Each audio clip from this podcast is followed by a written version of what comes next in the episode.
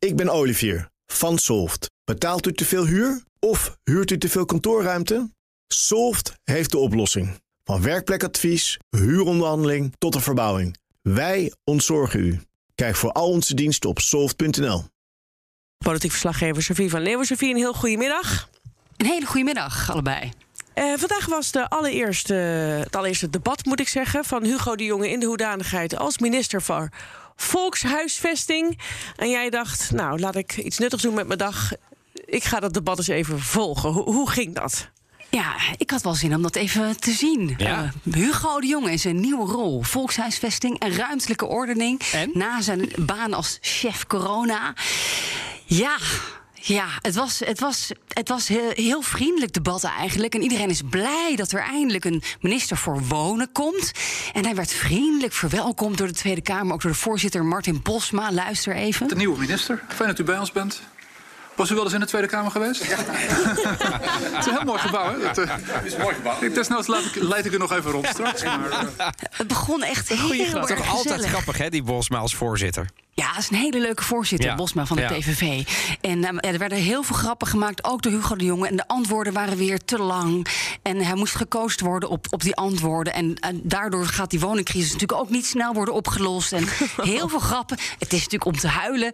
En mooie beloftes ook hè, uit het regeerakkoord van Rutte 4. 1 miljoen woningen in 2030.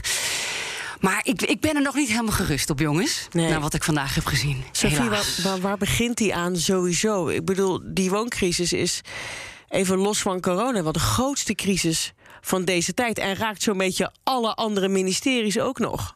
Ja, ik vraag me oprecht af waarom hij hier aan begint, Hugo de Jonge. Maar hij houdt van, eh, van de moeilijke klussen aanpakken, denk ik. Hij wilde eigenlijk op corona blijven natuurlijk. En ja, nu dus echt een hoofdpijndossier. En hij ziet ook een parallel met zijn vorige baan. Ehm, want hij zegt, ja, wonen dat is eigenlijk een grondrecht. Net als je gezondheid, daar moet de overheid voor zorgen. Ja, en dan komen die woorden als... eh, we hebben de regie weggegeven aan de markt.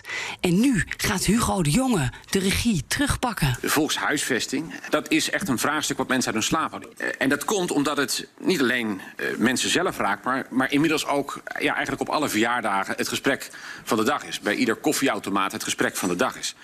Misschien is er wel te lang een te groot geloof geweest in dat de markt ons probleem zou gaan oplossen op het terrein van woningbouw.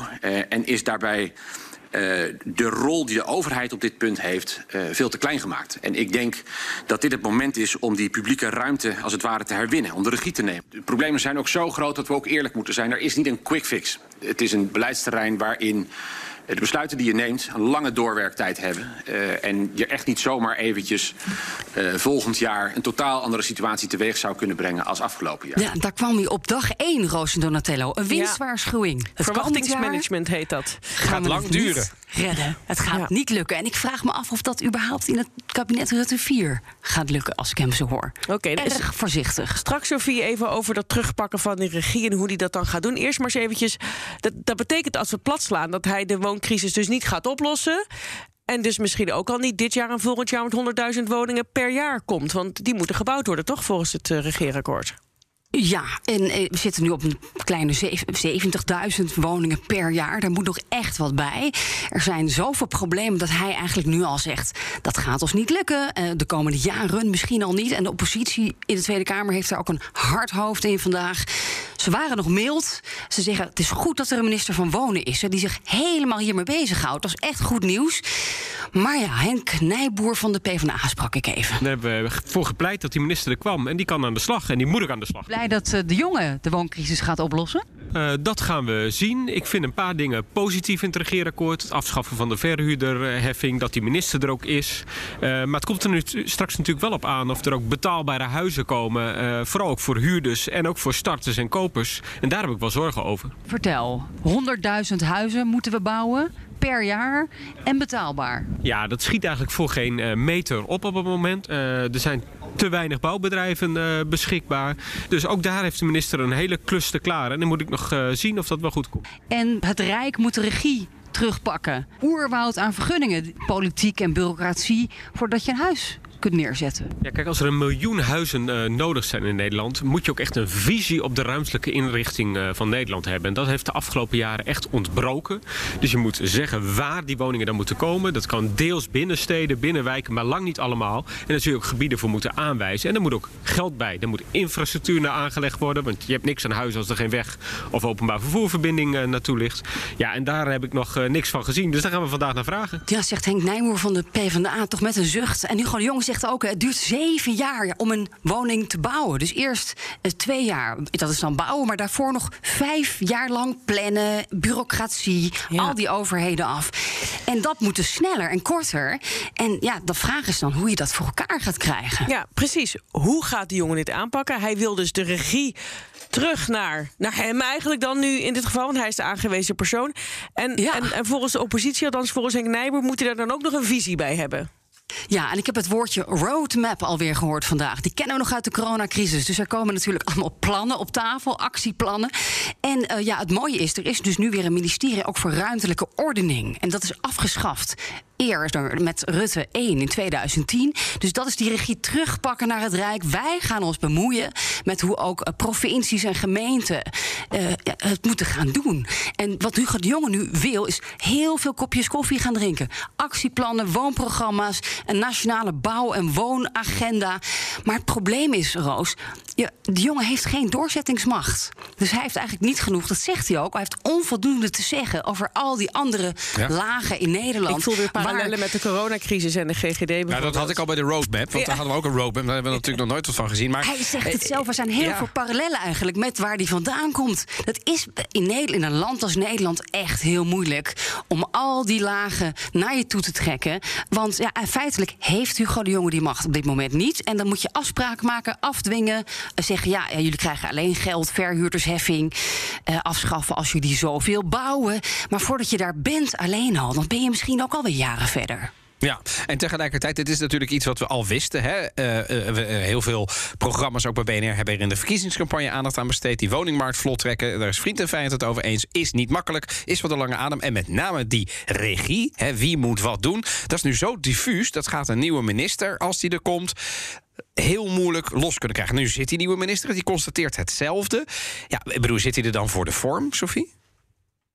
Nou ja, ik weet het niet. Ik denk dat hij dat echt meent en dat hij echt ambitieus is. Je kent Hugo de Jonge. Mhm. Die wil dus nu het verschil gaan maken. Maar de grote vraag die een beetje boven het debat blijft hangen... is ook, hoe ga je bijvoorbeeld de regie op de markt terugpakken? Want eh, vandaag ook was in het nieuws... eh, er is voor 15 miljard eh, aan woningen gekocht door investeerders... de afgelopen 10 jaar tijdens de kabinet Rutte. Op de linkerflank hoor je dan... je moet het ideologisch aanpakken. Dus een puntensysteem invoeren. Schaf de tijdelijke huurcontracten af. En geef mensen weer rechten op de woningmarkt. Dat hoor ik Hugo de Jonge nog niet zeggen vandaag. Hoe hard gaat Rutte 4 eh, die huurders beschermen? Ook bij de, bij de beleggers, bij de institutionele beleggers. Ik weet het niet. En hij, hij geeft daar geen duidelijk antwoord op. En hij verwijst naar volgende debatten en de uitwerking van de plannen in de komende maanden, in het voorjaar van dit jaar. Ja, precies. En dan zitten we dus met een hoge inflatie, huurstijgingen, personeelstekorten.